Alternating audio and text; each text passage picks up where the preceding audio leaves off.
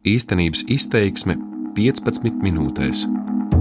Esejas par valstiskuma vēsturi Latvijā. Mani sauc Mārīta Jakovļa, un es strādāju Latvijas Vēstures institūtā un arī Latvijas valsts vēstures arhīvā, galvenā pētnieka amatā. Mana tēma ir kurzemes hercogistas vēsture, un, protams, jāsaka, 15 minūtēs visu esejas tēmu nevar izklāstīt. Šeit būs tikai galvenās tēzes vai galvenie jautājumi, faktiski galvenās problēmas, kuras vēl joprojām nevaram atrisināt. Un jāsaka, ka, lai gan kurzemes hercogistē veltīts relatīvi liels pētījumu skaits, tomēr vēl līdz šim pat laikam sabiedrības apziņā Par šo vēstures posmu valda neskaitāmi mīti un stereotipi. Bet uh, daudzas vēstures parādības joprojām nav pietiekami aplūkotas un analizētas. Un tātad pievēršoties šiem te varas jautājumiem, protams, jāsaka, vēsture ir process. Un kurzemes hercogists izveidošanās bija sava laika politisko notikumu un Baltijas reģionu vispārējās vēsturiskās attīstības rezultāts. Lai gan jau 16. gadsimta 20. gados Livonijas teritorijā sāka izplatīties reformācijas idejas, kas strauji ieguva piekritējis nevienu pilsētu iedzīvotāju vidū, bet arī Livonijas klerikālo zemeskundzību valdošajos slāņos, Tolaik Livonijā neviens vēl īsti nedomāja par pastāvošās kārtības maiņu un garīgo valstiņu sekularizāciju, varas veidošanu uz laicīgu principu pamata. Kā jau minēts, cēloņa vecās Livonijas sabrukumam vispirms meklējami laikmetu vispārējās attīstības tendencēs, eh, kas pirmām kārtām raksturojās ar varas centralizācijas centieniem kaimiņu valstīs, un tieši tā, tās ir Zviedrija, Dānija un Krievija, eh, un to tieksmi gūt dominants reģionā. Gan arī Livonijas iekšējā varas sadrumstalotība un varas nesēja savstarpējā politiskā konkurencē, kurā virsroku tā īsti neviens nespēja gūt. Eh, situāciju vēl ļaunāk padarīja Livonijas ordeņa ciestā smagā sakāva tā saucamajā ērģemes kaujā 1560. gada 2. augustā. Un turpmāko notikumu rezultātā Zviedrija ieguva tagadējās Igaunijas ziemeļdaļu, Dānijas dažiem desmitiem gadu kurzemes bīskapija Piltens apgabalu, bet Rīgas un Tērbats arhibīskapija teritorijas, kā arī daļa no Livonijas ordeņa īpašumiem uz ziemeļiem no Daugavas, nonāca tiešā polijas karaļa pakļautībā. Savukārt pēdējais Livonijas ordeņa mestris Gotthards Ketlers, parakstot 1561. gada 28. novembrī Viņā tā saucamo pakļaušanās līgumu, ko latīniski sauc pakta subjekcionis, eh, savukārt kurzemnieki visbiežāk dēvēja par provīzio dukālis, jeb uh, valdnieka pārtika, jeb hercoga pārtika, savā valdījumā iegūta bijušās ordeņa zemes uz dienvidiem no Daugavas, proti kurzemē un zemgalē. Protams, šodien mēs varam spriest, kā būtu, ja būtu, un esēja tam ir ļoti pateicīgs formāts. Ja Ketleram izdotos iegūt savā pārvaldē visu bijušo ordeņu valsti, kāda tad būtu šodienas aina? Vai Latvija būtu teritoriāli lielāka un ietvert arī Gauņa apdzīvotās zemes? Varbūt, taču maz ticams. Varbūt arī latvieši nonākt lielā Igaunijā. Un vai vēsturiskajā perspektīvā kaut kas būtiski mainītos, ja Ketleram izdotos apvienot zem savas virsvaras visas latviešu apdzīvotās zemes? Iespējams, ka tad Latvija kā nacionāla un suverēna valsts rastos ātrāk. Tomēr, ņemot vērā Zviedrijas un Krievijas attīstību un agresivitāti 17. un 19. gadsimtā, diez vai tas notiktu. Vēl bēdīgāk būtu bijis, ja maskavieši gūtu virsroku jau Livonijas karā. Tad bijusī Livonija pārvērstos par Maskavijas, respektīvi Krievijas provinci. Un gadījumā, ja notiktu Krievu jeb Slāvu zemnieku masveida ieplūšana bijušajā Livonijā, pastāvētu arī nopietni latviešu asimilācijas draudi. Vācu gadījumā Livoniju glāba lielie attālumi un viduslaiku zemnieku bailes no pārvietošanās pa jūru, bet Krievija bija turpat kaimiņos.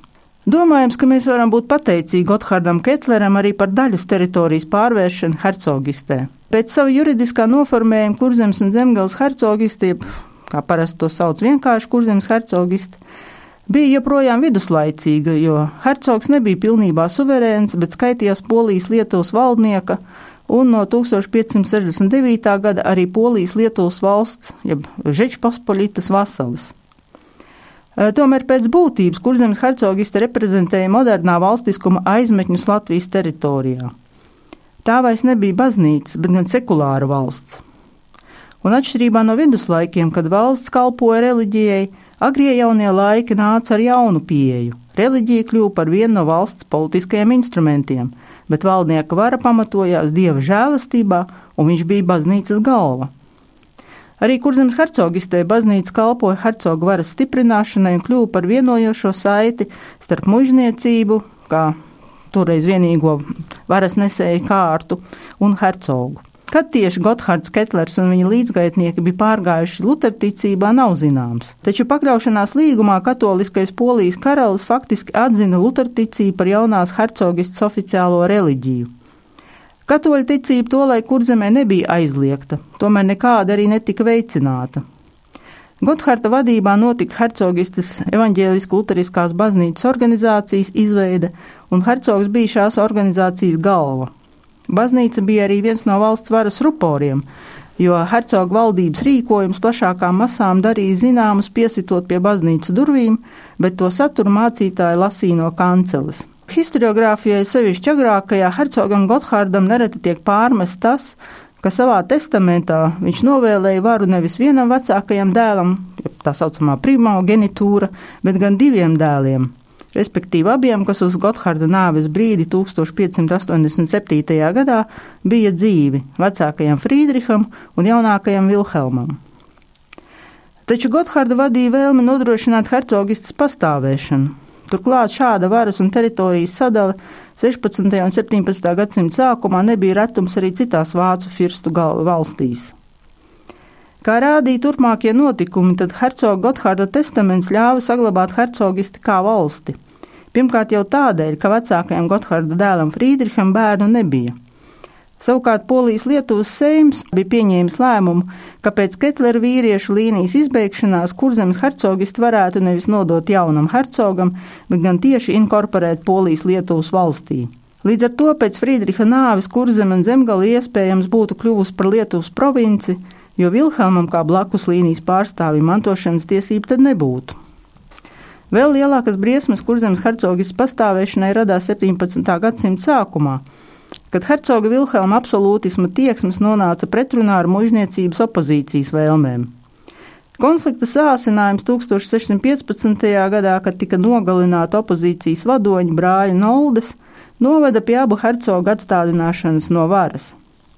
Un patiesībā mums ir jābūt ārkārtīgi pateicīgiem hercogam Friedriham, kuram izdevās attaisnoties polijas karaļa acīs un saglabāt hercogistu sākotnējā veidolā.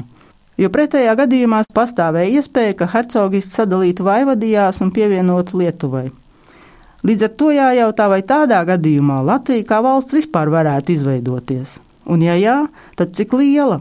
Bez tam Friedriham nepietika ar varas atgūšanu vien, jo bija jānodrošina pēctecība. Tāpēc hercoga Friedriha cīņa par Vilhelma dēla, hercoga jēkaba troņa mantošanas tiesību atgūšanu ir nemazāk novērtējama. Runājot par hercogu varas attīstību, vēl ir pietiekami daudz dažādu rakursu, kuros uh, varētu šo problēmu skatīt.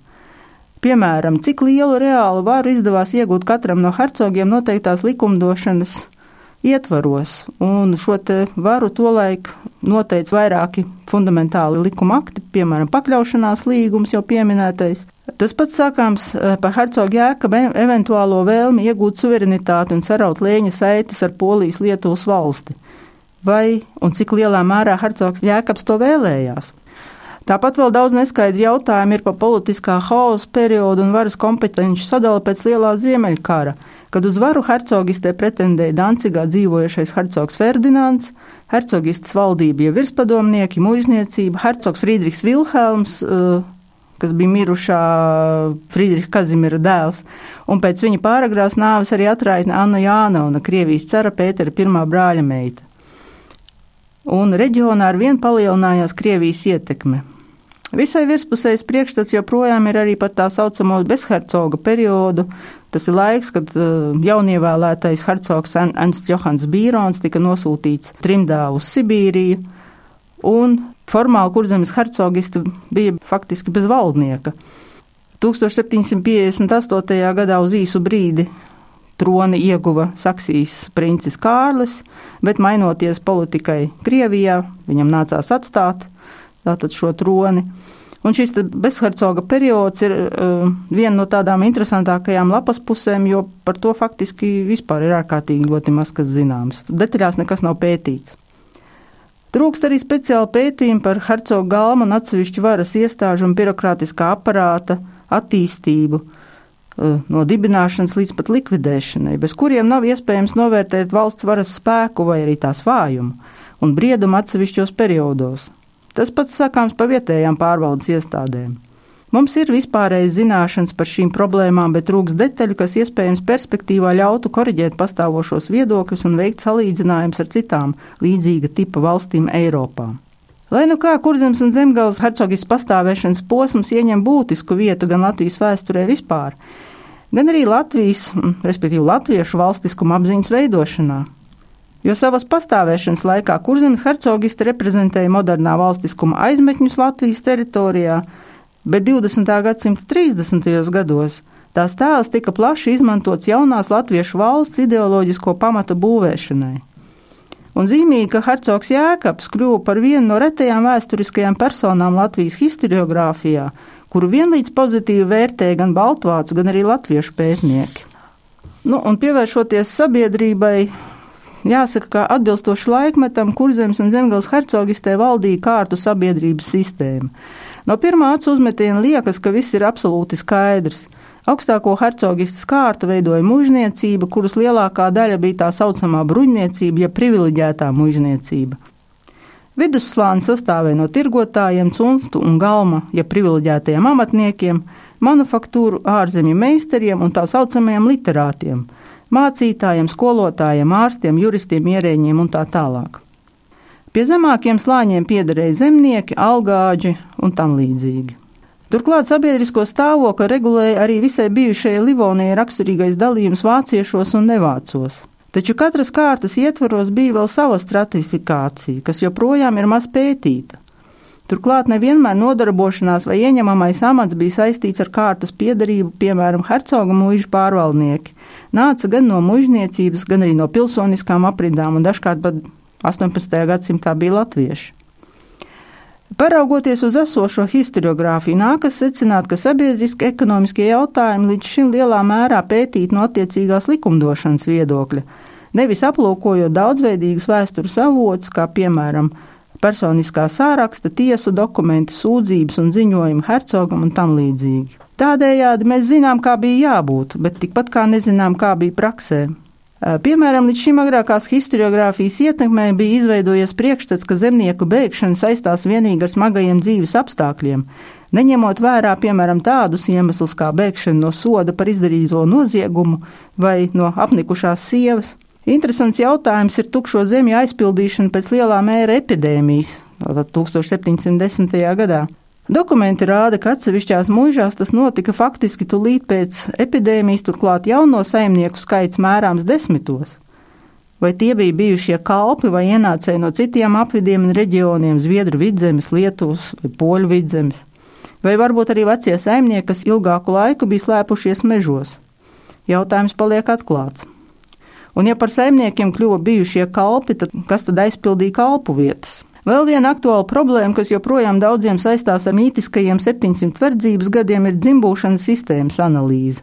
Vai un cik liels bija atšķirības starp Zviedru vidzemi, Poļu vidzemi un Kurzemes hercogistu, un vai dzimbūšana bija absolūti negatīva parādība, vai tomēr saimniekošanas veids, kas bija atbilstoši savam laikmetam un vietai? Un, ja no mūsdienu viedokļa mēs visumā varam vērtēt dzimbūšanas sistēmu kā attīstību kavējošu un daudzējādā ziņā necilvēcīgu, sevišķi runājot par 18. gadsimtu otro pusi, tad laika biedriem bieži vien attieksme nebija tik strikti negatīva un ne tikai no, teiksim, mužnieku, bet arī no zemāko kārtu viedokļa. Par to liecina, piemēram, arhīvā esošie brīvo cilvēku lūgumi ieskaitīt hercogu un mužnieka dzimcilvēkos, kas arī attiecas uz 18. gadsimta beigām, tātad 70. un 90. gadiem. To nav pārāk daudz, taču tādi ir. Turklāt iemesli tam arī ir visdažādākie. Piemēram, vēlme apprecēt dzimtzemnieka meitu, vēlme saņemt zemi un nonākt mužnieka patronāžā un tam līdzīgi. Vienlaikus nav jāaizmirst par diskusijām zemnieku dzīves uzlabošanai, kas 18. gadsimta beigās nodarbināja nevien inteliģents, bet arī mužnieku pārstāvjus. Pavisam maz ir pētīta arī kurzemes pilsētu dzīve, kur saskarsme starp latviešiem un vāciešiem bija daudz ciešāka nekā vienā otrā mūžā. Līdz ar to var secināt, ka detalizēta pētījuma par atsevišķām problēmām ir nepieciešama, lai varētu radīt kompleksu skatījumu uz hercogistas vēsturi un būtu iespējams veikt arī salīdzinājumus gan ar Zviedru, Krievu vidzemi un arī Poļu vidzemi, jeb Latgali. Par šīm teritorijām gan arī nepieciešami jauni pētījumi, gan arī plašākā Eiropas kontekstā. Šodien jums pa kurzemes hercogisti stāstīja Mārīta Jakovļeva, Latvijas Universitātes Vēstures institūta vadošā pētniece. Esejas par valstiskuma vēsturi radio skan pateicoties Kultūras ministrijai un Latvijas Universitātei. Īstenības izteiksme 15 minūtēs.